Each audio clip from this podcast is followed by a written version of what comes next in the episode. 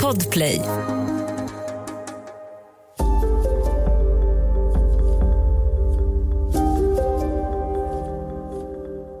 Hej, Tobias von Braun här. I det senaste avsnittet av Kalla fall, avsnitt 6, berättade vi om det DNA-spår som finns i utredningen av hotellmordet samt om de otroliga framsteg som skett inom DNA-tekniken de senaste åren. Framsteg som lett till att ett flertal uppmärksammade brott runt om i världen har kunnat få sin lösning genom så kallad genetisk släktforskning. Men också hur denna metod fram tills nu varit stoppad i Sverige då den ansetts strida mot rådande lagstiftning. Men redan dagen innan, förra avsnittet släpptes, kom en glädjande nyhet. Nämligen att den så kallade biometriutredningen, en utredning som tillsatts för att utreda metodens användning, nu äntligen är färdig. Och att utredningen kommer fram till att metoden bör tillåtas i Sverige vid utredning av grova vålds och sexualbrott. En som gläds över beslutet är släktforskaren Peter Sjölund, mannen som löste det uppmärksammade dubbelmordet i Linköping. Urban ringde därför upp för att prata mer om hur DNA-släktforskning kommer att användas framöver och om det kanske till slut kan bli den här metoden som en gång för alla löser hotellmordet. Men vi kan väl börja direkt eh, med, eh, med, med det som är lite nytt och sådär, den här biometriutredningen som är klar nu. Kan du berätta lite om det? Ja, det känns ju jättebra att den äntligen har kommit. För det har ju det har tagit lång tid, men det är, annars är det en väldigt omfattande utredning. Mm. Jag har ju efter lösningen av Linköpings dubbelmorden så har jag träffat många anhöriga i andra olösta mordfall och de har ju verkligen känt att ja, de hade fått ett hopp att nu kanske deras fall skulle kunna lösas och så kom den här utredningen och drog ut så långt på tiden. Men, eh, men samtidigt så måste man ju säga att när det väl kom så var det ju positivt. Vad är slutsatsen av, av den här utredningen skulle du säga då? Ja, men den är ju, när det gäller just det här med DNA, släktforskningsbaserad eller DNA-släktforskningsbaserad utredning så kommer den ju fram till att det är okej okay i de grövsta brotten. Och det vill säga mord, överfallsvåld eller våldtäkt, grov våldtäkt och grov våldtäkt mot barn. Och eh, sen dessutom det som glädjer mig extra mycket var att man satte ingen tidsgräns. Det måste inte vara ett, ett kallt fall från många tiotals år tillbaka utan eh, man kan alltså även använda den här metoden om man har ett, en pågående serievåldtäktsman till exempel som gör upprepade våldtäkter så kan man gå in och använda den här metoden. Okej. Okay. Mm, mm. Så här, skulle du säga att det här kommer innebära att den här metoden den kommer bli tillåten att använda igen? Ja, det tror jag. Det var tydliga förslag till ändringar, det är ganska små ändringar i lagen som behövs. Och eh, nu ska det här ut på remiss förstås, som det alltid sker med lagförslag. Men eh, med tanke på att alla pratar om att ha metoder för att lösa fler brott så kan jag inte tänka mig att det skulle vara något bekymmer att någon skulle motsätta sig det här. Mm, och med tanke på hur otroligt framgångsrikt det var i USA, de har löst nu närmare 500 fall. Åh oh, jäklar. Ja. Mm. Eh. Det enda som inte finns med, som jag var lite besviken på, det har inte jag kunnat hitta det, att man ska kunna använda DNA-släktforskning för att identifiera oidentifierade personer, det vill säga man hittar en kvarlevor någonstans ute i naturen. Mm. Så i USA har man ju identifierat väldigt många okända offer. Men eh, här har man inte med den aspekten, tycker jag är lite konstigt, för det tror jag, när man pratar med folk i allmänhet så ja. många tycker att ja, jag ställer gärna upp mitt DNA om det kan hjälpa till att hitta någon, någon eh, mördare. Men eh, ännu hellre om man kan identifiera oidentifierade offer. Då är alla positiva. Den, den aspekten, den finns inte med i Sverige alls alltså, som det är nu?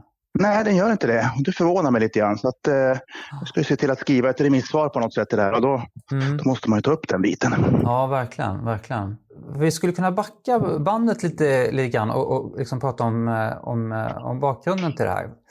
Eh, mm. För det var väl egentligen det första eh, man tittade på i Sverige var väl just den aspekten egentligen.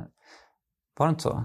Ja, men precis. När man i USA hittade The Golden State Killer som egentligen var starten på allt det här med hjälp av DNA-släktforskning. Mm. Så blev ju svensk polis intresserad men det fanns inget lagligt stöd för att börja leta gärningsmän. Nej. Men däremot så var det okej okay att börja titta på att försöka identifiera offer. Och då, då var det ju polisen i Region Syd, chefen för Kalla fall där, Bosse Lundqvist, som eh, tog tag i saken och han hade ju då en man från 2003 som man hittade mördad ute i skogen utanför Helsingborg som kallas Ekebymannen. Mm. Och där visste man inte vem han var. Så att eh, där fick man ta fram DNA på honom och eh, jag fick ta med mig det här DNA över till Houston i Texas där det här företaget Family Tree DNA finns. Det är de som är de enda som tillåter att polisen söker i deras databas. Ah. Och eh, då visade det sig att den här mannen hade rötterna på Balkan, vilket ju gör saker lite svårare, för där är det inte så många som DNA-testar sig och det är inte så lätt att släktforska heller. Nej. Men eh, ja, förvånansvärt bra ändå. Jag lyckades knyta honom till att han har rötter i någon av fyra byar i norra Kroatien. Mm. Så att, eh, än så länge är han inte helt identifierad, men får man topsa några stycken där nere i Kroatien så ska man kunna lösa det. Så det var, det var första fallet där man testade den här metoden. Och hur, hur kom du in på det här med genetisk släktforskning och så från början? Då? Alltså jag, jag har släktforskat traditionellt då, ända sedan gymnasiet. Men sen, eh, sen är jag ju naturvetare in i själen, så när det kommer möjlighet, som jag läste om att man där 2010 ungefär kunde hitta släktingar via DNA, då gick jag igång på det. Mm. Och eh, ja. lärde mig allt. Det finns ju liksom inga utbildningar och sånt, utan det, man får själv lära sig. Och sen eh, började jag vara ute och föreläsa och skriva böcker om detta. Så det var ju liksom väl, väl inne i smeten och använde den här metoden för att hitta okända pappor till exempel. Så jag insåg ju snabbt att det här är perfekt för att hitta okända gärningspersoner.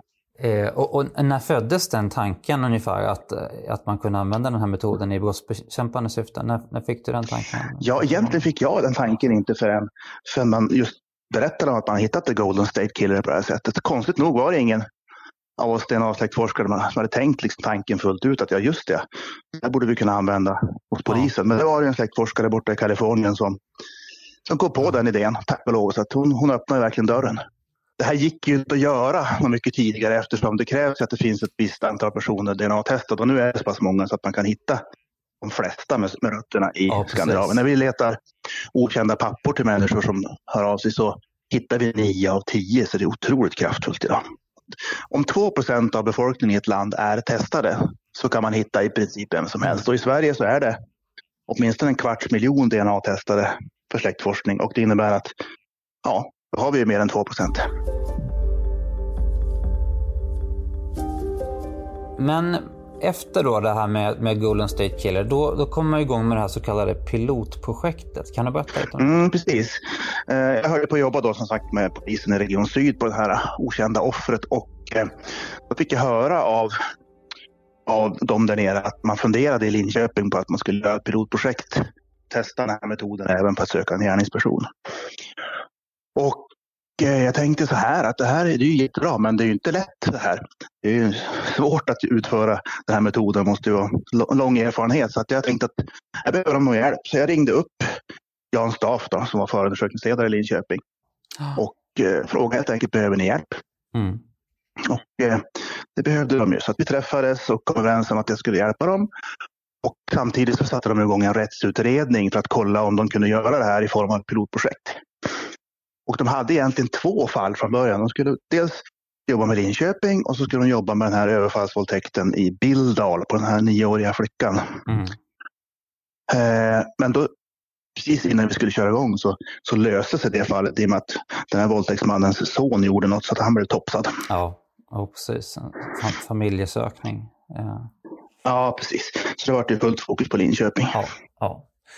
Eh, och alltså, hela den här processen beskrivs ju väldigt bra i den här fantastiska boken som jag såklart har läst, Genombrottet. Och det måste jag säga att det är en av de absolut mest spännande böcker som jag har läst eh, inom ja, bra. crime. Alltså. Eh, är verkligen kan, mycket starkt rekommendera den om man gillar true crime. Eh, faktiskt. Alltså om man vill ha hela storyn ska man läsa boken såklart, men, men lite i, i, i korthet då, hur processen går till. Då. Från att man får eh, en misstänkt persons eh, DNA-profil eh, till att man står där med ett eh, förslag på gärningsman helt enkelt. Mm, det är ett antal steg och eh, i och med att det var första gången man gjorde det här dessutom så var det ju liksom mycket som måste, många djur som måste uppfinnas. Eftersom i vanliga fall så polisens vanliga DNA-tester de, de eh, analyserar 15 ställen i DNA.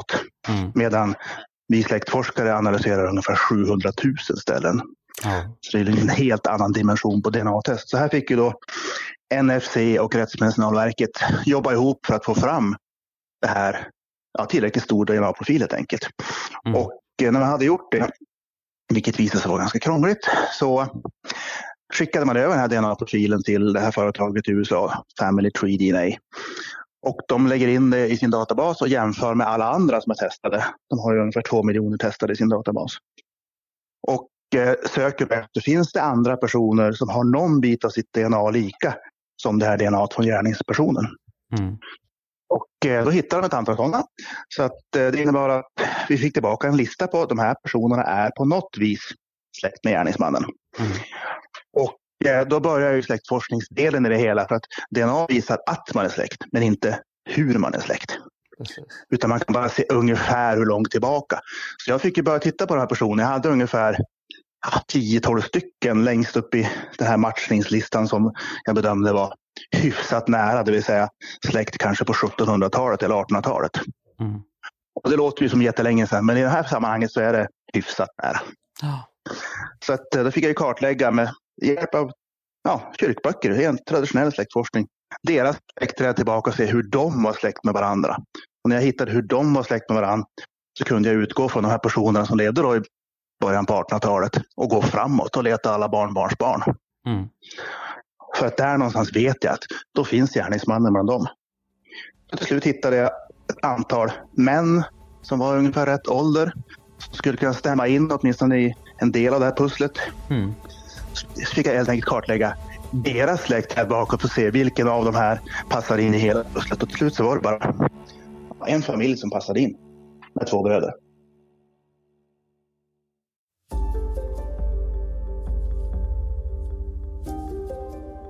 Och hur, hur, säker behöver man liksom vara för att kunna lämna över det här till, till åklagare och sådär?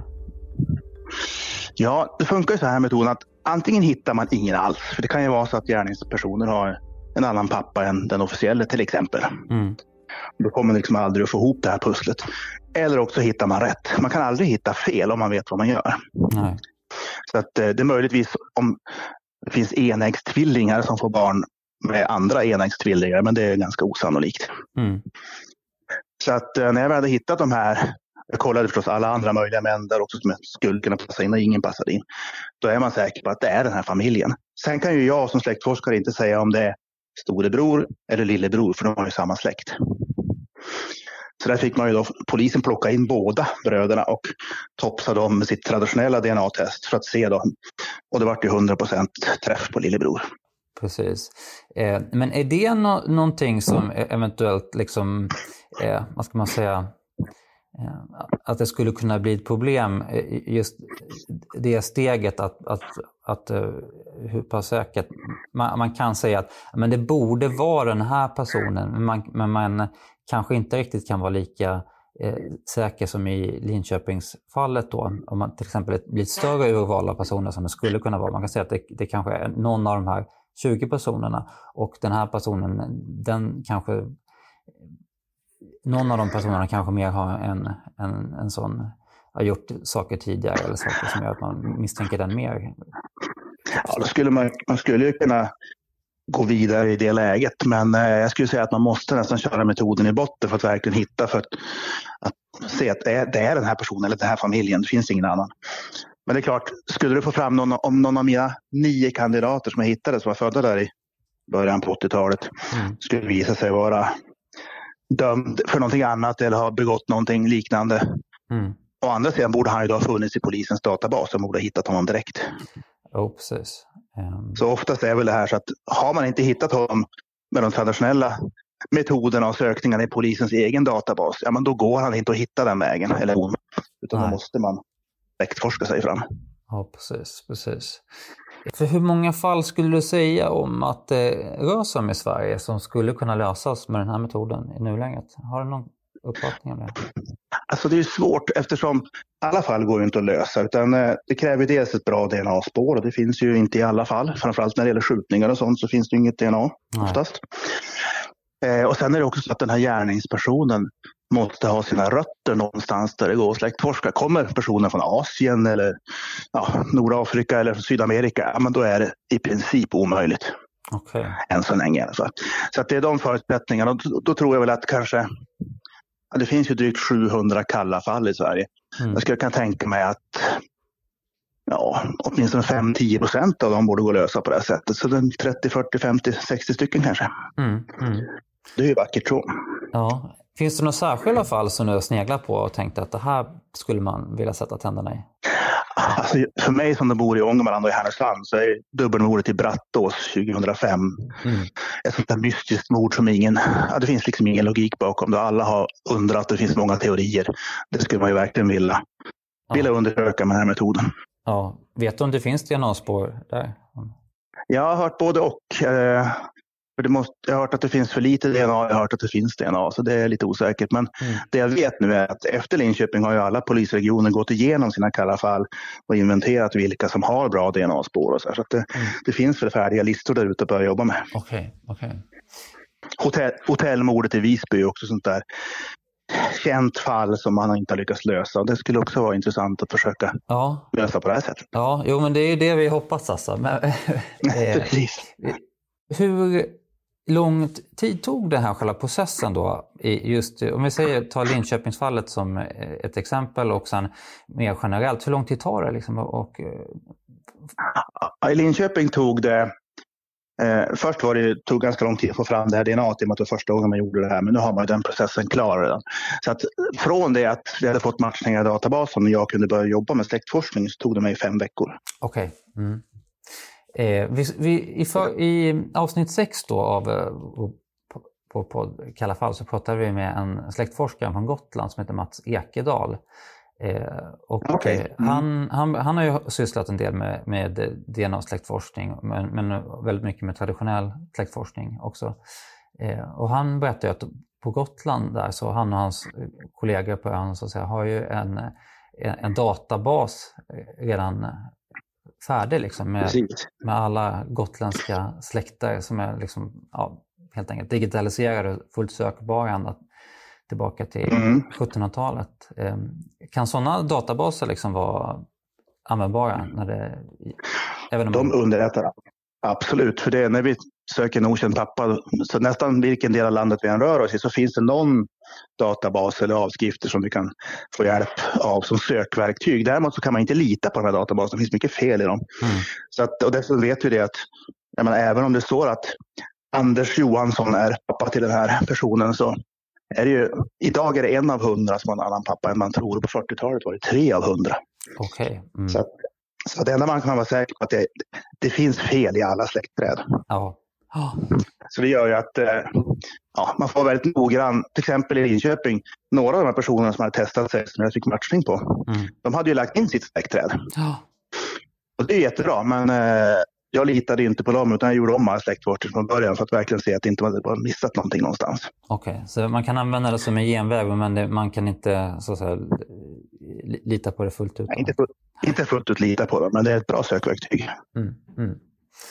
Eh, men om vi går tillbaka till det här med, du, du nämnde att om man har liksom ursprung från någon, någon annan del av världen och sådär kan det bli, eh, kan det bli svårt.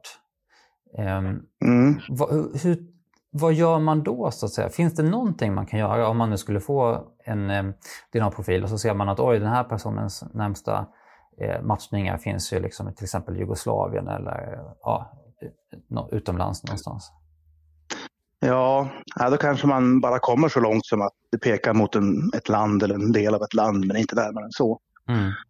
Eh, eller också har man tur. Jag har faktiskt haft personer som har sökt sin pappa och så visar det sig när vi tittar, jaha, det här pekar alltid pekar mot Grekland. Det är helt kört. Mm. Eh, men i och för sig, här har vi några stycken i Grekland som har samma släktnamn. Och så tittar vi bara, finns det någon i Sverige som hade samma släktnamn vid tiden som personen blev till? Mm. Och i två fall har det faktiskt varit så. Vi har, Oj, här fanns det en person, kontakta den. Mm. Och så ringer hon upp honom och säger hej, kan du vara min pappa? Ja. och så är det bingo, ja men jo men just jo men jag var, jo det var jag. Ja, ja. Så att man kan ju ha tur också om, det, om brottet har skett i Sverige, om man hittar ett släktnamn mm. i ett annat land så kan man ju ha tur att man kan åtminstone ringa in en misstänkt. Ja, Jag tänker det också till exempel på Gotland, så, särskilt på, om man eh, kikar specifikt på, på hotellmordet så, så fanns det inte så många personer med liksom, ja, annan bakgrund än eh, svensk. Då, så, att säga. så då blir det ganska litet. Nej, precis. Eh.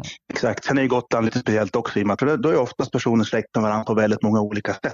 Det är som Skellefteå är ett sådant ställe som är ganska extremt där folk är verkligen släkt med varandra. Det vet jag två släktforskare som verkligen gick in för det här och jämförde sina släktträd. Och de hittade att de var släkt på 108 olika sätt. Okay. Ja, ja. och det är klart, då hittar man då personer som har DNA-bitar som är lika så vet man inte från vilket släktskap de här kommer. Nej, nej. Men det här hotellmordet då, har du någon uppfattning om, om du tror att det är möjligt att använda den här metoden i, i det fallet? Ja, där har jag förstått att det ska finnas bra DNA-spår och som du säger så är det väl sannolikt någon, någon från Gotland eller Sverige som är gärningspersonen. Då, då borde det gå att lösa. Mm, mm. Eh, och, och, det där just med DNA, vi har ju försökt gräva i, i det alltså. Eh, och det sista, senaste budet vi fått från åklagaren i fallet, där Susanne Wilborg, eh, hon säger att det de har i nuläget är ju en sån här rutinprofil som det kallas, men som inte riktigt är helt komplett heller. Så jag undrar, vi funderar på hur bra det där DNA är egentligen. Alltså. Ja, för det där är viktigt. Ofta har man ju tagit fram och har en sån här DNA-profil med 15 olika siffror då, som man har traditionellt. Och eh, man hade ju även det provet sparat i Linköping och sen skulle man försöka ta fram den här mer omfattande profilen från det provet och det gick inte. Det var för helt enkelt för, för lite och för mm. ja, ett svagt DNA-innehåll. Så att eh, där fick man ju göra en process med att hitta flera prover från samma och slå ihop dem. Och det kan ju vara så, jag hoppas ju att, jag vet att det finns fall längre tillbaka i tiden där man helt enkelt har kastat kanske kläder eller annat som innehöll det här DNA. Så har man bara kvar de här 15 siffrorna från, från polisens mm.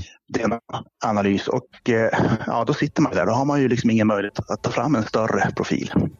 För att kunna hitta de här avlägsna släktingarna så behöver du ha de här 700 000 olika positioner analyserade för att verkligen hitta liksom personer som har någon liten del av sitt DNA lika som den här personen.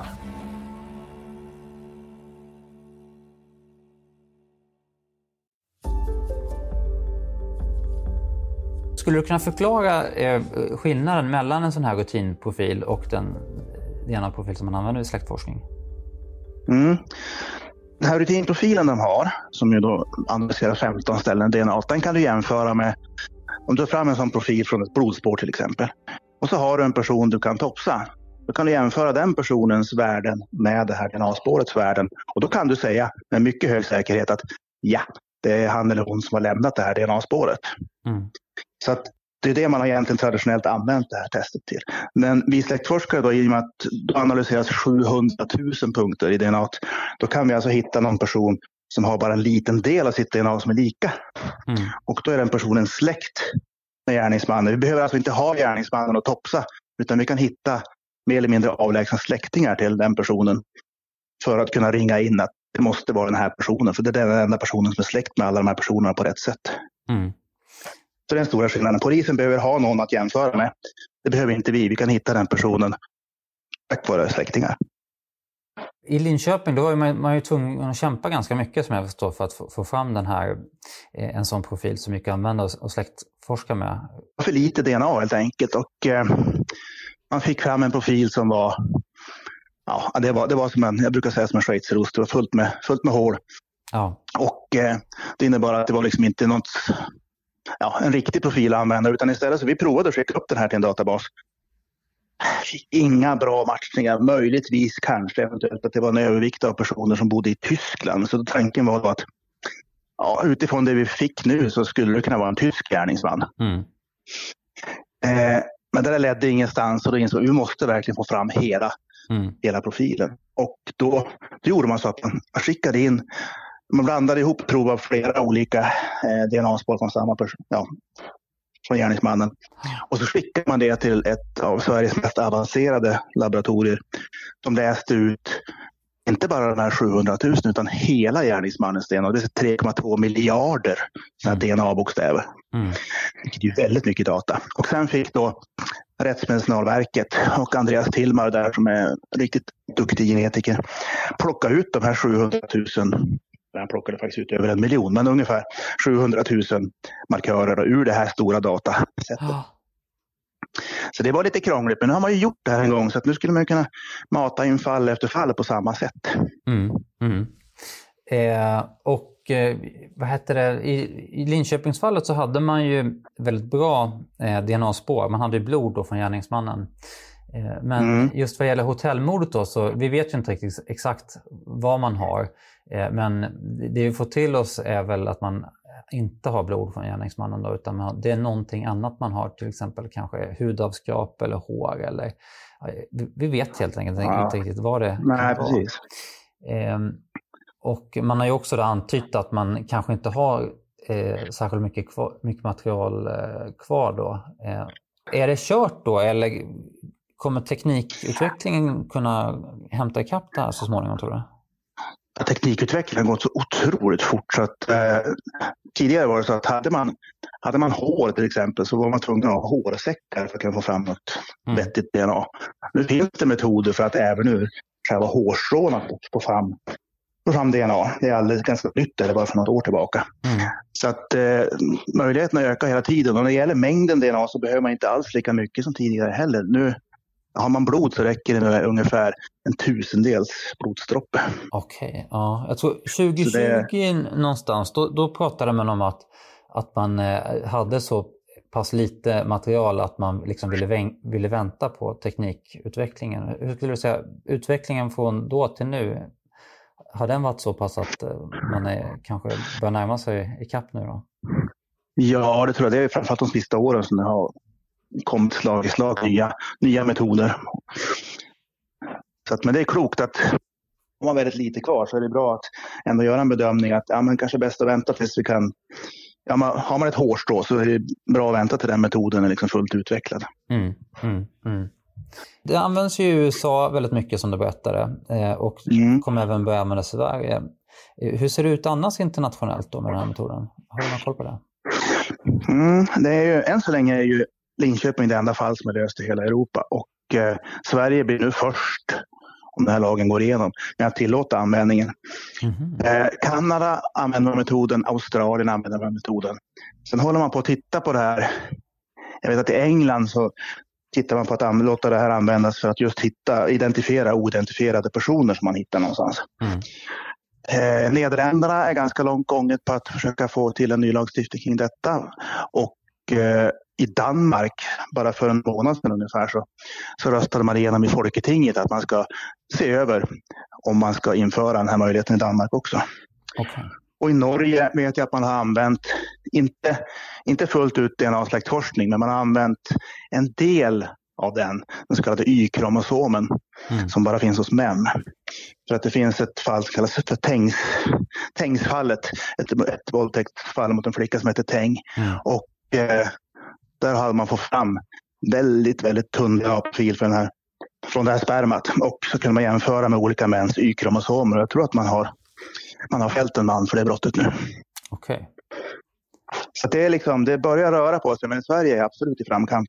Ja, ja. Har du någon uppfattning om när det här kommer, kommer kunna gå, hur lång tid det kommer ta innan man kan använda den här metoden i Sverige igen?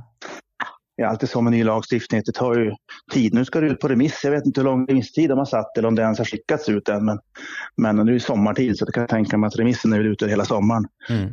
Och sen ska det tas fram då, ska de här läggas som ett lagförslag på riksdagens bord. Och så är frågan om man tar Ja, det här biometriutredningen omfattade inte bara DNA-släktforskning, det var bara en liten del. Det var mycket ansiktsigenkänning och andra saker. Mm.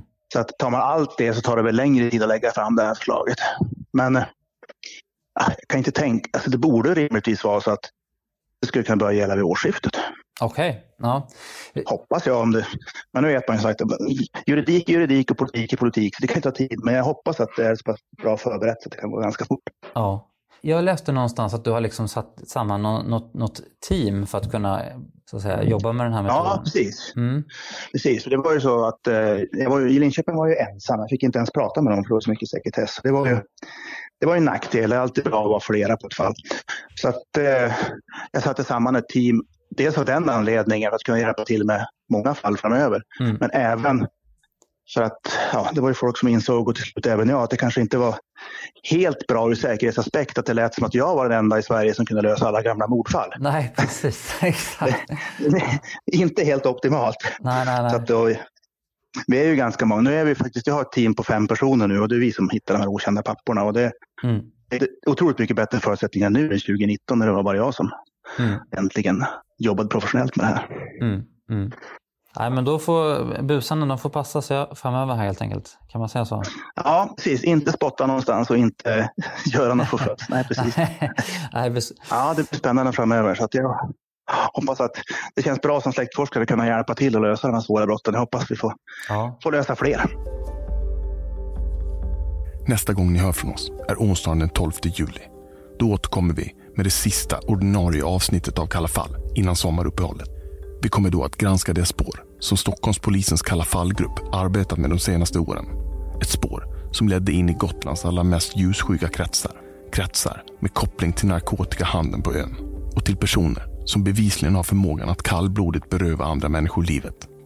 Hoppas ni är med oss då.